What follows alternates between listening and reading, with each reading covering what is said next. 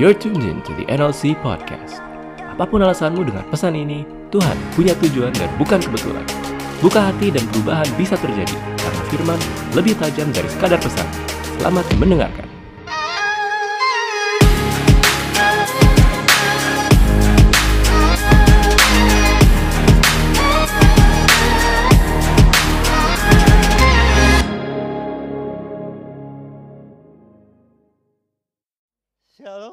Kita semua. Shalom. Ya, nam- perkenalkan nama saya Hatta Halimas. Biasa dipanggil Bung Hatta. Hatta pakai H. Jangan dihilangkan H-nya. Soalnya orang suka salah dengar. Ya, umur saya 25 tahun. Jadi tolong panggil saya bro atau bung. Tapi jangan panggil saya pak saya merasa agak tua. Thank you for having me today. Saya senang boleh ada di tempat ini, boleh berbagi. Dan saya coba untuk seminggu ini mengikuti khotbah-khotbah di tempat ini supaya begitu saya dikasih tema, saya mau coba untuk link, untuk masuk ke dalam tema yang ada dan gereja kita di tempat ini punya tema tentang the power of routine. Kuasa dari apa? Rutinitas. Ya sebenarnya ketika saya memikirkan kata ini saya agak mendok, agak mental memikirkan apa yang mau saya sampaikan. Tetapi Kemudian ketika saya coba cari pelajari dengar, saya menemukan begini, memang kehidupan tidak bisa lepas dari yang namanya rutinitas. Betul ya? Rutinitas adalah bagian dari kehidupan kita. Tetapi masalahnya banyak orang punya sudut pandang yang salah terhadap rutinitas. Dan ketika kita bicarakan rutinitas, sering kali kata ini terdengar membosankan. Kata ini terdengar agak ah, sesuatu yang kayak nggak punya arti. Sesuatu yang kita terlalu terbiasa. Dan saya coba cari apa masalahnya. Nah ternyata saya temukan begini. Kalau saya boleh katakan dengan sederhana bahwa masalah kita bukan pada rutinitasnya. Amin. Rutinitas bukan masalahnya. Rutinitas bukan sesuatu yang bikin kita membosankan atau merasa capek dan lelah. Masalahnya adalah cara kita melihat atau memandang rutinitas itu. Jadi solusi kita sebenarnya bukan di rutinitasnya, tapi di cara kita memahaminya. Ada banyak hal yang selalu kita lakukan berulang-ulang sampai-sampai kita lupa maknanya, kita lupa tujuannya. Dan satu kali saya percaya begini, ada titik di mana ketika kita mengenal Tuhan, kita menyadari Tuhan dan cara bukan apa yang kita lakukan yang berubah, tapi cara kita melihatnya berubah. Kalau tiap hari Anda bangun, makan, kerja, lalu pulang kerja, makan lagi, tidur, maka setelah Anda eh, percaya Tuhan, Anda masih makan kan? Betul? Anda masih tidur masih butuh itu. Tapi yang berubah apa? Yang berubah adalah kalau tadinya Anda lakukan itu karena kebiasaan, tanpa punya tujuan, tanpa punya makna. Sekarang Anda melihat Tuhan di dalam apa yang Anda lakukan. Sekarang Anda mulai melihat penyertaan Tuhan di dalam kehidupan kita yang mungkin tampaknya terbiasa, yang mungkin tampaknya sudah berulang-ulang dilakukan. Tapi percayalah, Di mana Tuhan hadir, di situ segalanya berubah. Cara kita melihat berubah, cara kita memahami berubah, dan cara kita melakukannya juga berubah. Dan saya akan katakan begini, banyak orang memang terjebak di dalam rutinitas. Memang banyak orang terjebak di dalam rutinitas karena mereka tidak memahami apa yang Tuhan bisa lakukan di dalamnya. Dan kalau saya boleh menyampaikan atau menyimpulkannya, saya akan bilang begini, ubah cara kita melihatnya. Ketika kita percaya kepada Tuhan, Tuhan hadir di dalam hidup kita, maka mungkin yang berubah bukan aktivitasnya, tapi yang berubah adalah cara kita menikmatinya. Saya suka pakai konsep yang sederhana untuk membedakan apa yang kita lakukan, khususnya di dalam gereja, khususnya di dalam aktivitas-aktivitas yang kita lakukan atas nama Tuhan. Cie atas nama Tuhan. Orang suka kayak gitu. Dan kita merasa begitu bangga ketika kita merasa bahwa oh saya lakukan ini untuk Tuhan. Dan tentu saja nggak ada masalah dengan itu. Tetapi sehingga kita meletakkan hati kita di tempat yang salah. Saya selalu katakan begini, ada perbedaan antara hidup sebagai orang percaya berdasarkan hubungan dan berdasarkan agama. Ada perbedaan dan saya percaya bahwa kekristenan bukan agama tapi hubungan.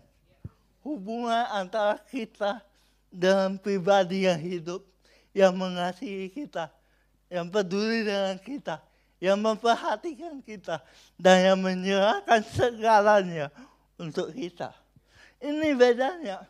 Sehingga ketika kita menjalani kehidupan, kita melayani, kita melakukan berbagai aktivitas rohani, kita tidak melakukannya karena beban. Kita tidak melakukannya karena terpaksa agama ini sekali lagi ini bedanya agama. Agama membuat memaksa kita, menuntut kita untuk melakukannya tanpa memahami apa yang kita lakukan.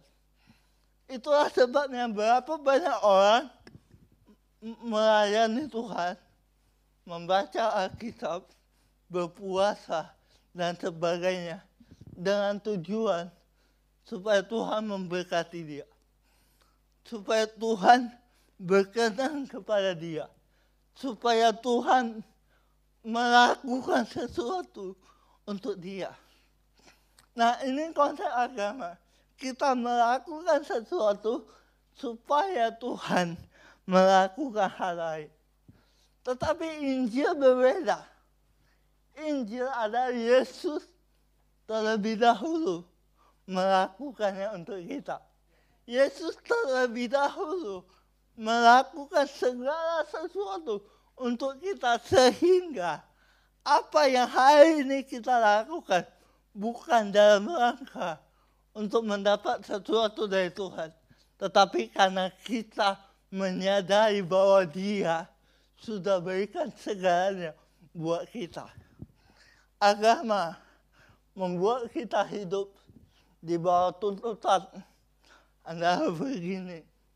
Anda harus berdoa. Anda harus puasa. Doanya nggak salah. Amin. Puasanya nggak salah. Baca Alkitabnya nggak salah. Tapi konsepnya salah. Injil membuat kita berdoa, membuat kita baca Alkitab, membuat kita berpuasa dengan dasar hubungan. Karena Yesus sudah mengasihi kita. Agama supaya Tuhan mengasihi kita. Injil karena Tuhan telah berkenan kepada kita. Agama supaya Tuhan berkenan kepada kita. Karena itu, hari ini kita perlu melihat kembali apa yang sudah kita lakukan. Apakah dasar kita adalah hubungan karena kelalaan hati, karena sukacita, karena ucapan syukur, atau karena beban, karena tuntutan. Ini penting. Dan hari ini saya akan fokus untuk bicara tentang komunitas. Katakan dengan saya komunitas. Komunitas. Eh, bagaimana kita dapat hidup bersama di dalam sebuah komunitas yang berpusat kepada Injil Yesus Kristus. Khususnya di saat-saat seperti ini. Di saat-saat seperti ini, saya percaya begini, ini justru menjadi kesempatan buat semua umat Tuhan untuk merenungkan kembali apa makna dari gereja. Saudara, kalau Anda baca internet, banyak orang merasa tersiksa gara-gara ibadah hari ini. Memang maksudnya baik. Saya juga pengen untuk ibadah bersama-sama, untuk apa bersekutu hadir bersama-sama dengan sesama orang percaya. Maksudnya baik. Tetapi yang diperdebatkan seolah-olah kalau kita tidak hadir di gereja maka kita nggak bisa ibadah. Betul nggak? Seolah-olah kalau saya tidak hadir di sebuah tempat rasanya saya baru ibadah. Dan ini jadi masalah jadi orang memperdebatkan konsep tentang gereja. Gereja harus begini, ibadah harus begini, musiknya harus canggih, ya yang kok bahas keren dan sebagainya. Duduk harus seperti apa, pakai pakaian harus seperti apa. Padahal sorry pakaian saya nggak terlihat seperti pokok orang memperdebatkan konsepnya. Tetapi ini yang kita lupakan. Bahwa esensi lebih penting daripada konsep. Esensi gereja lebih penting daripada konsep tentang gereja. Konsep gereja dari waktu ke waktu selalu berubah. By the way, kalau Anda cek di Alkitab Anda, di HP, Anda boleh coba search Alkitab AI terjemahan baru, Anda akan temukan kata gereja itu gak ada di Alkitab. Coba cek. Kata gereja gak pernah disebutkan satu kali pun di Alkitab. Kenapa? Karena gereja ternyata tidak seperti apa yang banyak orang pikirkan. Nah, kenapa kita pakai kata gereja? Itu dulu pertama. Kata gereja itu diambil dari bahasa Portugis dari kata igreja. Igreja diterjemahkan ke dalam bahasa Indonesia menjadi gereja. Nah, kata igreja bahasa Portugis itu diambil, diterjemahkan dari bahasa Yunani yang menjadi bahasa asli dari Alkitab Perjanjian Baru, yaitu kata eklesia. Eklesia. Dari eklesia diterjemahkan ke bahasa Portugis igreja, dari igreja diterjemahkan ke bahasa Indonesia menggunakan kata serapan menjadi gereja. Kalau Anda cek Alkitab, bahasa Indonesia, kata eklesia itu tidak diterjemahkan sebagai gereja, tapi sebagai jemaat atau umat. Tapi maksudnya sama dengan kata gereja mengerti maksud saya? Maksudnya sama. Jadi kita memahami ketika kita ngerti akar kata gereja, kita mulai dapat gambaran tentang apa sih gereja itu. Apa sih maksudnya gereja itu? Ternyata secara singkat, gereja tidak bicara tentang bangunan. Gereja bukan tentang gedung. Gereja bukan tentang denominasi, lu aliran apa, lu Kristen apa, bukan. Gereja bukan tentang organisasi, gereja adalah tentang orang-orang. You are the church. Anda gerejanya. Tanpa orang-orang, saya mau bilang begini, tanpa orang-orang, gedung gereja gak ada gunanya tanpa orang-orang ibadah yang dilakukan gak ada gunanya. Apa yang membuat gereja penting adalah karena Tuhan memperhatikan orang-orang. Inilah inti dari komunitas. Fokus dari Tuhan adalah kepada pribadi-pribadi yang terlibat di dalamnya. Lebih daripada organisasi, lebih daripada hiburan, lebih daripada konsep-konsep ibadah yang bisa kita pikirkan. Semuanya penting. Bukan yang gak penting, semua penting. Tetapi esensi, yang namanya esensi tentang gereja, itu tidak pernah berubah. Konsep bisa berubah. Seratus tahun ke depan, saya percaya konsep gereja akan berubah lagi. Siapa yang tahu? Tapi esensi gereja itu tidak pernah berubah. Jadi kita sudah mengerti pengertian dari gereja. Dan kita melihat bahwa dari waktu ke waktu konsep gereja berubah. Dari mall, hotel, restoran, ruko, sebagainya. Dan kalau kita balik ke 2000 tahun yang lalu, di dalam kisah para rasul, itu yang namanya ibadah pun bentuknya banyak. Jemaat mula-mula orang Kristen awal setelah kematian Yesus pada abad pertama punya konsep yang banyak tentang ibadah. Kadang-kadang mereka lakukan di bait suci, kadang-kadang mereka lakukan di tempat ibadat di kitab para itu diterjemahkan tanpa ibadah tapi bahasa uh, Inggris diterjemahkan sinagog. Sinagog. Kemudian kadang-kadang ibadah juga dilakukan di rumah-rumah. Dan ketika ada orang di luar masuk ke dalam komunitas kekristenan, Paulus memberikan beberapa penjelasan tentang apa itu rumah Tuhan. Katakan dengan saya rumah Tuhan. Ada beberapa catatan di dalam Korintus kalau Anda baca.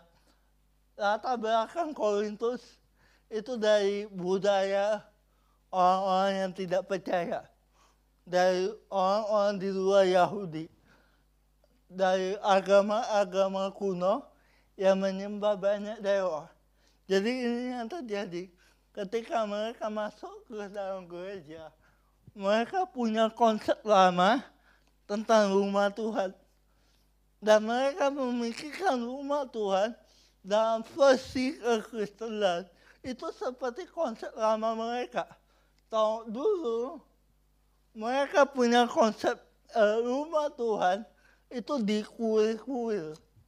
Bangunan-bangunan suci. Ya, tempat-tempat suci Nah, ketika Paulus menjelaskan kepada orang-orang di Korintus esensi dari ibadah rumah Tuhan, Paulus katakan seolah-olah berkata begini, rumah Tuhan bukan gedung, rumah Tuhan bukan tempat, rumah Tuhan bukan ritual-ritual, rumah Tuhan adalah dirimu. Kamulah rumah Tuhan. kamulah bait sucinya Tuhan. Rumah Tuhan tidak lagi di Israel, di bait suci Salomo. Rumah Tuhan pindah ke dalam kamu. Dan itulah yang Paulus katakan. Makanya Yesus bilang kepada orang Farisi, aku akan menghancurkan bait suci dan, dan dalam tiga hari aku akan membangunnya kembali. Maksudnya apa? Dia memindahkan hadirat Tuhan dari bait suci Yerusalem dipindahkan ke dalam Anda dan saya. Itulah gereja. Itulah rumah Tuhan. 1 Korintus 3 ayat 16 kita buka. 1 Korintus 3 ayat 16 boleh kita baca bersama? Sudah dapat? Kita baca 3, 2, 1.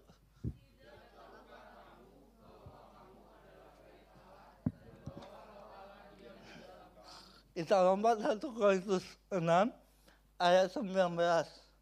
Gak apa-apa ya banyak ayat. Supaya Anda lebih percaya Alkitab daripada saya. 1 Korintus 6 ayat. Ya, kita baca 3, 2, 1.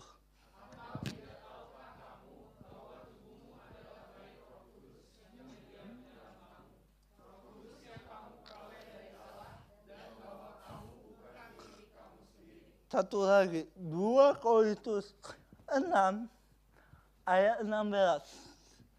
2 Korintus 6 ayat 16. Kita baca 3, 2, 1.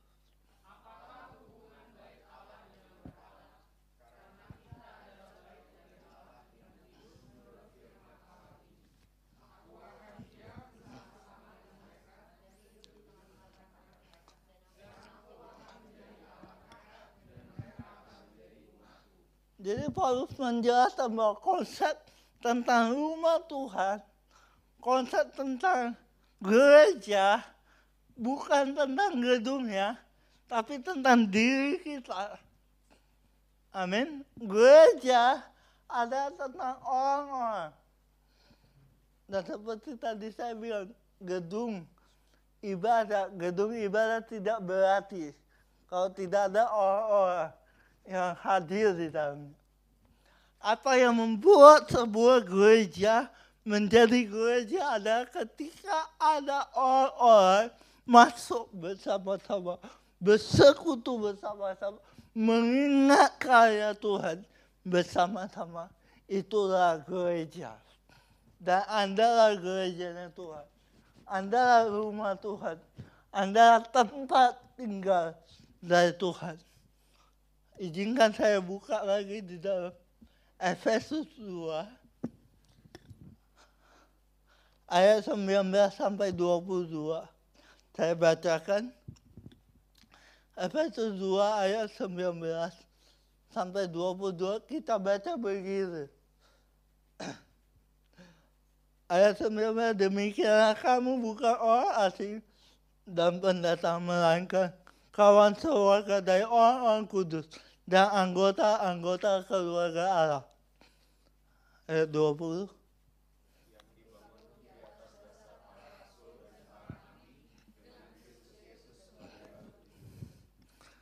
Di dalam dia tumbuh seluruh bangunan api tersusun menjadi baik Allah yang kudus di dalam Tuhan.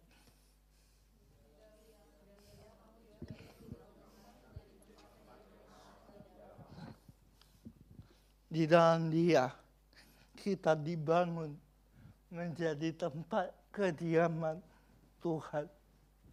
Kita adalah tempat kediaman Tuhan. Jadi konsep kalau orang datang ke gereja mau cari Tuhan, maaf. Sebenarnya itu konsep yang keliru.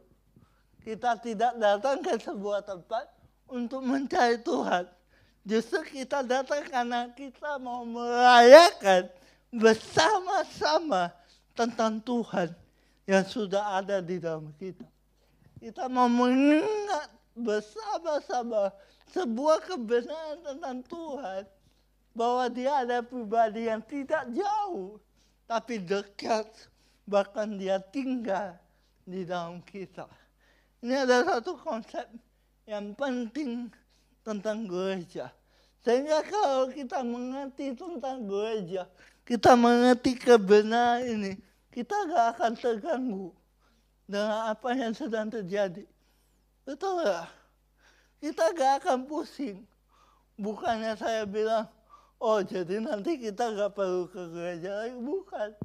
Maksud saya seharusnya di tengah-tengah masalah seperti ini, di tengah-tengah situasi seperti ini, ketika pemerintah menerapkan kebi ke sebuah kebijakan untuk kita, untuk kebaikan kita, maka saya punya pandangan bahwa sebenarnya yang paling gampang menerima keputusan dari pemerintah itu seharusnya orang Kristen seharusnya orang Kristen.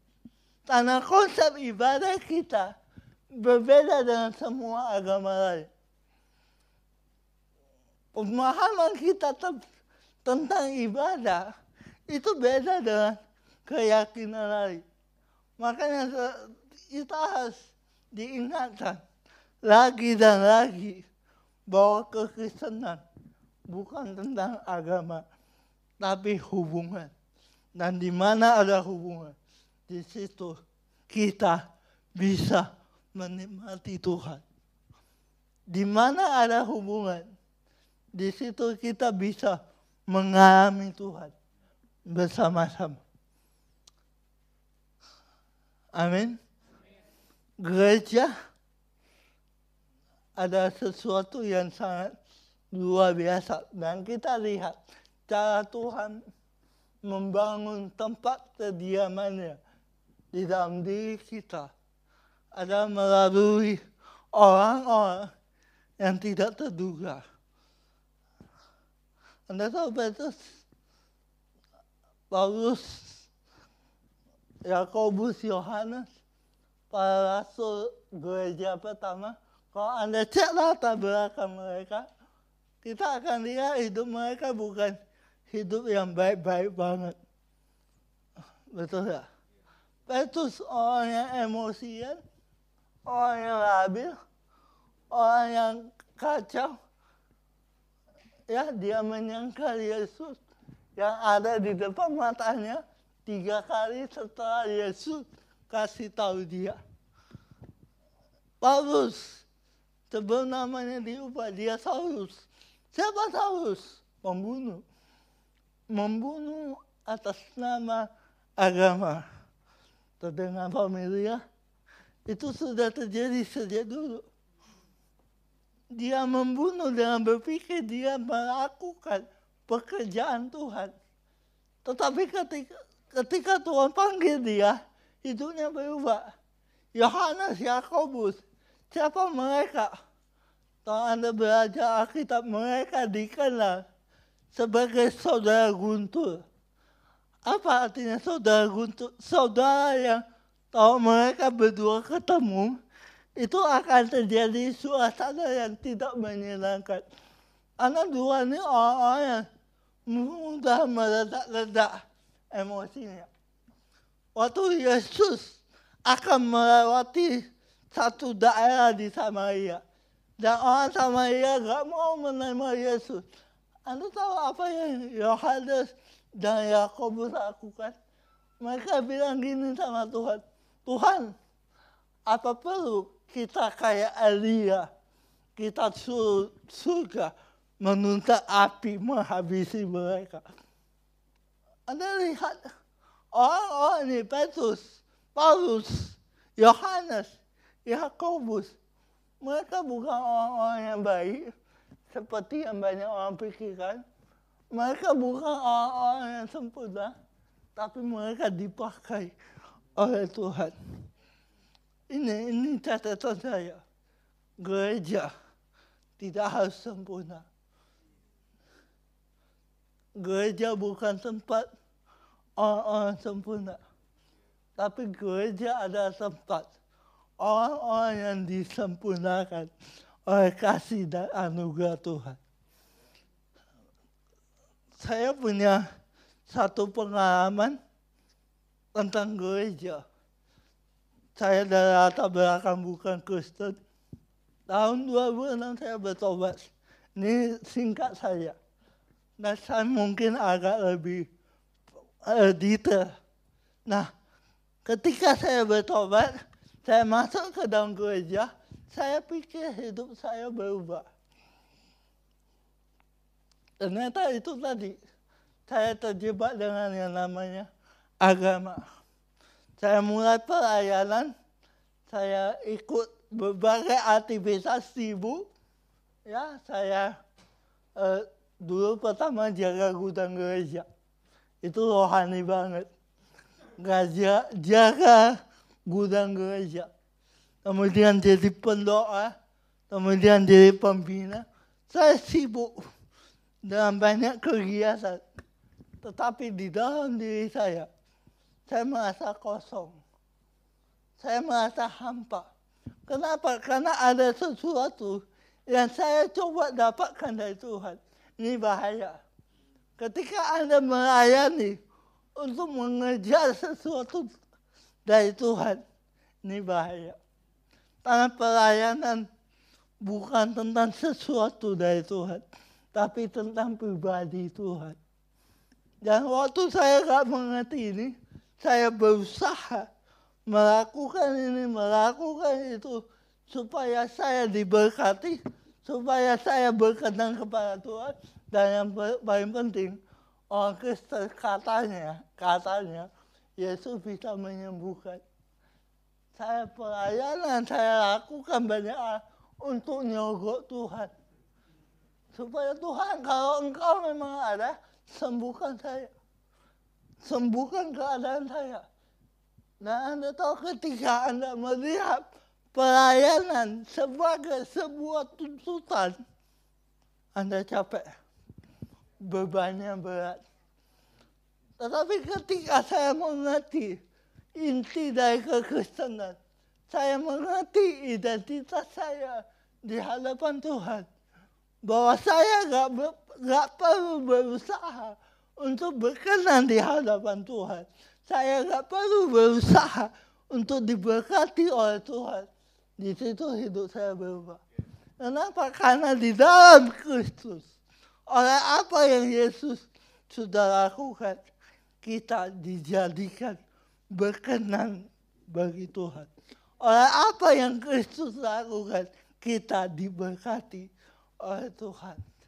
Tapi kadang-kadang konsep kita terbalik. Kita meletakkan berkat sebagai syarat dari apa yang harus kita capai. Apa yang harus kita lakukan. Makanya gak heran banyak orang Kristen mengalami beban. Capek. Kok pelayanan berat banget. Kenapa? Karena mungkin kita punya konsep seperti itu. Kemudian satu hari di, di titik terendah di dalam hidup saya. Saya merasa capek jadi orang Kristen. Saya merasa capek untuk hidup. Dan saya mencoba untuk mengakhiri hidup saya. Saya ini korban bully. Tahu bully, diajak, dihina, dipermalukan. Saya ini dulu korban. Saya pernah coba bunuh diri tiga kali. Dua kali sebelum saya jadi orang Kristen. Satu kali setelah saya jadi orang Kristen. Dan setelah saya jadi orang Kristen, saya tahu bunuh diri itu dosa. Dosa masuk, nah itu ancamannya. Dan di dalam diri saya, saya tahu, kalau saya mati karena ini, saya tahu saya ke mana. Tetapi masalahnya adalah ini. Beban saya begitu berat. Saya gak tahan. Satu malam, saya tutup pintu kamar saya. Saya kunci, saya berlutut di hadapan Tuhan. Saya teriak sama Tuhan. Saya bilang, Yesus, engkau ada gak sih? Bayangkan ini sudah bertahun-tahun pelayanan, bertahun-tahun jadi orang Kristen belajar Alkitab, masih nanya, Yesus, engkau ada gak sih? Saya bilang, Tuhan, apakah engkau benar-benar mengasihi saya? Kalau engkau benar-benar ada, kalau engkau benar-benar mengasihi saya, buktikan sama saya. Sembuhkan saya. Saya nantang Tuhan. Hebat dah. Tapi kemudian saya bilang begini. Kalau engkau gak peduli dengan saya, kalau engkau gak sanggup menyembuhkan saya, saya bilang gini, ya udah, akhiri aja. Saya mau pulang. Anda mengerti kata pulang? Saya minta mati sama Tuhan. Saya bilang begini, kalau malam ini saya tidur, saya gak mau bangun lagi. Saya gak mau lihat matahari terbit, saya gak mau lihat esok, saya gak mau mikir besok mau ngapain. Saya mau minta mati sama Tuhan. Singkat cerita malam itu karena udah capek doa, udah capek nangis-nangis, saya tidur. Saya tidur, besok paginya apa yang terjadi? Saya bangun lagi. Bangun dalam kondisi bingung. Loh, kok gak terjadi apa-apa? Waktu saya bangun, kata pertama yang saya ucapkan ada kata ini, haleluya. Puji Tuhan. Kenapa? Untung Tuhan gak jawab doa tadi malam. Oh Tuhan jawab bahaya.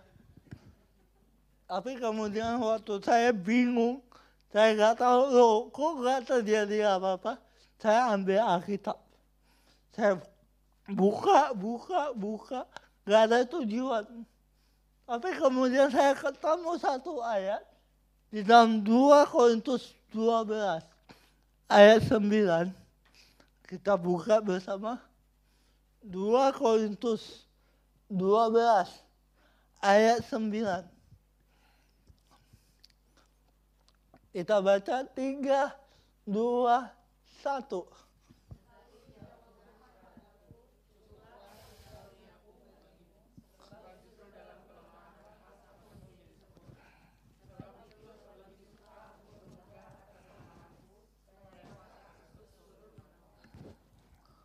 Waktu saya baca ayat ini, kata-kata ini berputar di kepala saya. Cukuplah kasih karuniaku bagimu. Cukuplah kasih karuniaku bagimu. Waktu saya memikirkan kata ini, saya bilang, Tuhan, apanya yang cukup? Saya lihat diri saya, saya bilang begini, Tuhan, aku gak mau kasih karunia. Sombong. Aku gak mau kasih karunia. Aku mau kesembuhan. Tetapi kata-kata ini muncul lagi. Cukuplah kasih karunia aku bagimu. Cukuplah kasih karunia aku bagimu. Saya bilang Tuhan maksudnya apa? Dan beberapa saat di dalam diri saya untuk pertama kali Tuhan panggil nama saya dan Tuhan bicara, Tuhan bilang, hatta. Hatta. Di mataku, kamu sudah sempurna. Hatta di mataku, kamu sudah sempurna. Waktu saya dengar kata-kata ini, saya nangis. Saya bilang belum pernah ada orang beritahu bahwa saya ini sempurna. Saya pikir saya orang yang gagal. Saya pikir saya ciptaan yang gagal. Saya pikir Tuhan lagi iseng-iseng sama saya. Saya bilang, Tuhan, kenapa saya lahir? Kenapa orang lain, orang lain lahir normal? Apakah Tuhan iseng-iseng? Waktu orang lahir ini normal, ini normal ketemu harta, Tuhan mungkin pikir, ku buat sedikit unik. Bilang, Tuhan maksudnya apa? Tetapi Tuhan bilang, anugerahku cukup. Sebab justru di dalam kelemahan kuasaku menjadi sempurna. Hari ini saya mau bilang, hari ini Anda di hadapan Tuhan sudah sempurna. Saya tahu berat untuk menerima ini. Karena ketika kita lihat diri kita, kita merasa lebih gampang, lebih masuk akal untuk tahu bahwa kita gak berharga. Lebih gampang untuk merasa kita gak ada apa-apanya. Betul? Kenapa? Karena kita tahu betapa bobotnya diri kita. Betapa hancurnya hidup kita. Betapa banyaknya dosa yang kita lakukan. Tetapi untuk itulah anugerah ada. Untuk itu Tuhan berikan anugerah. Karena Tuhan tahu kita gak bisa, kita gak mampu. Saya nulis buku, judulnya Kehidupan Tanpa Standar. Orang baca bingung, yo, judulnya tanpa standar. Enak banget hidup tanpa standar. Saya bilang, kalau saya ditanya, Tuhan punya standar ya? Kira-kira jawabannya apa? Tuhan punya standar ya? Punya. Loh, itu judulnya tanpa standar. Saya bilang, kalau Tuhan punya standar, pertanyaannya, standarnya apa? Standar Tuhan satu kata, sempurna. Dan kita semua gagal. Kita semua gagal. Kalau Tuhan pasang standar untuk keselamatan, untuk berkat dan semuanya, saya jamin kita semua gak mampu. Betul? Tetapi untuk itulah anugerah ada. Karena kita gak mampu, Yesus mampu. Waktu kita gak sanggup, Yesus sanggup. Apa yang kita gagal untuk capai, Yesus sudah selesaikan. Karena itu waktu Tuhan melihat Anda, Tuhan melihat Anda bukan berdasarkan apa yang Anda lakukan, tapi berdasarkan apa yang Yesus sudah lakukan. Dan Yesus melihat kita sempurna. Karena kita ada di dalam dia. Dan dia ada di dalam kita. Itulah komunitas komunitas mengingatkan, membuat kita melihat satu sama lain bahwa kita semua nggak ada yang sempurna, nggak ada yang terbaik, nggak ada yang selalu baik-baik aja. Kita semua penuh kelemahan, penuh kekurangan, penuh keterbatasan. Tetapi disempurnakan oleh anugerah Tuhan. Sehingga waktu kita lihat orang lain. Kita bisa menerima mereka apa adanya. Inti dari komunitas ada penerimaan. Saya tahu betapa pentingnya ini. Karena saya pernah ditolak. Untuk bertahun-tahun saya hidup di dalam penolakan. Dan gereja bagi saya dulu ada tempat pelarian. Saya pikir saya menemukan tempat di mana saya bisa diterima dan betul. Memang saya dapat banyak orang, tetapi tanpa Tuhan, semua percuma. Tanpa Tuhan, manusia terbatas. Hanya Tuhan yang bisa menerima kita sepenuhnya. Karena itu saya punya prinsip bahwa gereja harus jadi tempat di mana orang bisa datang apa adanya bukan ada apanya. Prinsip gereja ada menerima semua orang tanpa syarat. Itu yang Yesus lakukan. Tapi lebih enak kadang-kadang kalau kita hidup dengan orang-orang yang kita sukai. Lebih enak kalau kita hidup dengan orang-orang yang bisa menyenangkan kita. Tetapi bukan cara, bukan itu cara Tuhan. Ansal uh, Ansal 27 ayat 17 waktu saya masih berapa menit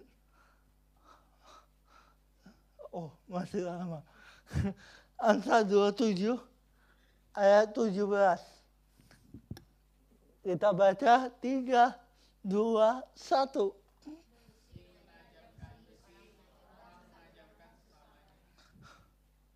Lihat, besi menajamkan besi. Orang menajamkan orang. Ini ini prinsip Tuhan. Tuhan mengubah hidup seseorang melalui orang-orang di sekitarnya. Tuhan tidak pernah bekerja tanpa melalui manusia. Karena itu hal pertama yang perlu kita sadari bahwa kebenaran paling pribadi untuk kita adalah Tuhan sudah ada di dalam kita. Tuhan sudah tinggal di dalam kita. Tuhan sudah hadir di dalam hidup kita. Waktu kita mengerti prinsip ini, prinsip yang sama berlaku untuk orang lain. Kita melihat orang lain juga seperti kita melihat diri kita. Di dalam diri dia ada Tuhan. Tuhan tinggal di dalam dia. Tuhan menyertai dia. Tuhan ada di dalam hidup. Sehingga waktu kita ketemu seseorang, kita bisa melihat hubungan kita sebagaimana yang Tuhan inginkan buat kita. Tuhan membentuk kita melalui orang-orang di sekitar kita. Makanya saya agak bingung kalau ada orang bilang begini ke gereja udahlah lihat Tuhan aja jangan lihat orang lain. Nanti kamu kecewa. Sebab prinsip gereja justru ada berhubungan dengan orang-orang. Betul pusatnya Tuhan betul fokusnya Tuhan tapi Tuhan tidak bekerja terpisah dari orang-orang Tuhan tidak bekerja untuk kita tanpa orang-orang di sekitar kita. Makanya ayatnya bilang gini, kita perlu mengerti prinsip supaya kita menjadi orang yang menajamkan sesama kita. Amin. Besi menajamkan besi. Kita ada untuk saling menajamkan. Tapi hati-hati ketika Anda menghindari hubungan, Anda menghindari komunitas, hati-hati. Apa yang tajam bisa membunuh Anda. Dan Tuhan nggak ciptakan itu. Kita bukan untuk saling membunuh, tapi untuk saling menajamkan. Amin. Saat kita melihat Tuhan di dalam kita, sebagaimana yang Tuhan inginkan, cara kita melihat orang lain itu akan berubah. Ada satu quote yang berkata begini dari Anastasia, dia bilang begini, gereja tanpa orang-orang yang hancur adalah gereja yang hancur.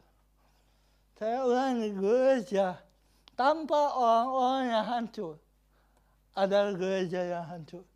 Jadi tempat tempat gereja, gereja itu memang tempat orang-orang yang hancur. Kita harus terima itu. Karena kita juga hancur. Itu kita agak lebih baik daripada yang lain. Karena itu begitu kita ngerti apa yang Tuhan lakukan di dalam saya, kita mulai melihat apa yang Tuhan lakukan di dalam diri orang lain. Itu yang Yesus lakukan. Yesus katakan begini, aku datang bukan untuk memanggil orang benar, melainkan orang berdosa. Yesus mematahkan konsep pemikiran pribadi bahwa kalau aku ke gereja, aku harus layak dulu. Kalau aku gak layak, aku gak mau ke gereja. Berapa banyak orang hidup dengan konsep seperti itu. Banyak orang gak ke gereja karena apa? Alasannya klasik. Belum layak. Mungkin selama ini kita juga telah membuat gereja menjadi tempat yang disalahpahami orang. Mungkin. Mungkin kita telah membuat gereja menjadi eksklusif tentang orang baik. Kenapa? Karena banyak orang Kristen juga kadang-kadang jaim. Gak berani membuka diri. Gak berani mengakui kehancuran. Takut dihakimi. Merasa malu. Kita semua pakai topeng. Kita semua nunjukin bahwa hidup gue baik-baik aja. Tapi kalau kita mengerti kebenaran, kenapa kita butuh Yesus? Karena hidup kita gak baik. Orang dua tahu. Orang dua tahu tentang kita. Kita bukan orang baik-baik. Tapi kita orang-orang yang butuh anugerah. Dan merayakan anugerah itu. Ya, itulah fungsi dari gereja. Itulah fungsi dari komunitas.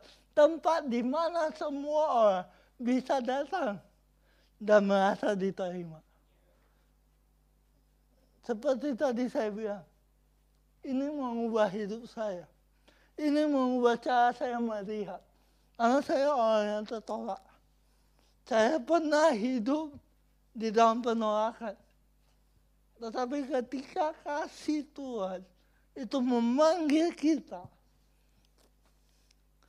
tidak ada orang yang lebih bisa menerima kita kecuali Yesus. Tidak ada orang yang lebih bisa memahami kita kecuali Yesus. Karena itu saya percaya ada kuasa di dalam penerimaan inilah kekuatan dari komunitas. Ketika orang diterima apa adanya. Ketika orang bisa datang tanpa topeng, tanpa pakai hal-hal lain. Ketika orang bisa datang apa adanya dan menjadi dirinya sendiri. Di situ kita mulai lihat pekerjaan Tuhan. Kadang-kadang kita punya pikiran, orang harus seperti ini. Kita punya konsep tentang yang seharusnya. Harusnya hidup lu gini. Harusnya hidup lu begini. Tetapi Tuhan terima mereka dulu. Bukan harusnya dulu. Terima dulu. Apa adanya dulu. Ketika orang diterima baru dia bersedia untuk diubahkan ada kuasa di dalam penerima. Anda tidak bisa melihat perubahan atas orang yang Anda tolak. Gak bisa. Anda hanya bisa melihat Tuhan bekerja dan Anda dan saya terlibat di dalam pekerjaan Tuhan. Kalau kita mulai dari penerimaan, saya akan tutup dengan berkata begini, Tuhan menerima kita apa adanya. Dia tidak menuntut kita. Dia menuntun kita. Tuntutan dari luar. Lu harus begini. Lu harus begitu. Itu agama. Tapi pekerjaan Tuhan, cara Tuhan ada tuntunan. Beda satu kata doang. Tuntutan, tuntunan. Tuhan menuntun dari dalam. Waktu kita tahu Tuhan ada di dalam kita, di situ Tuhan mulai menuntun kita seperti yang dia mau. Seperti yang dia kehendak. Seperti yang dia rancangkan buat hidup kita. Jadi hari ini saya percaya kita mulai memahami tentang prinsip yang penting di dalam komunitas, di dalam gereja dan kita bisa jadi orang-orang yang bebas untuk merefleksikan Tuhan melalui hidup kita. Khususnya pada hari-hari seperti ini. Di mana orang merasa kita kok sengsara, kok gereja ditutup. Eh, gereja gak ditutup. Gereja gak pernah ditutup. Gedungnya doang ditutup. Gereja gak bisa ditutup Tanah kita lah gereja. Bukan bangunan. Bukan organisasi. Kita lah gereja yang hidup. Kita lah komunitas yang hidup. kita tempat di mana orang akan melihat ada Tuhan di dalam hidup kita.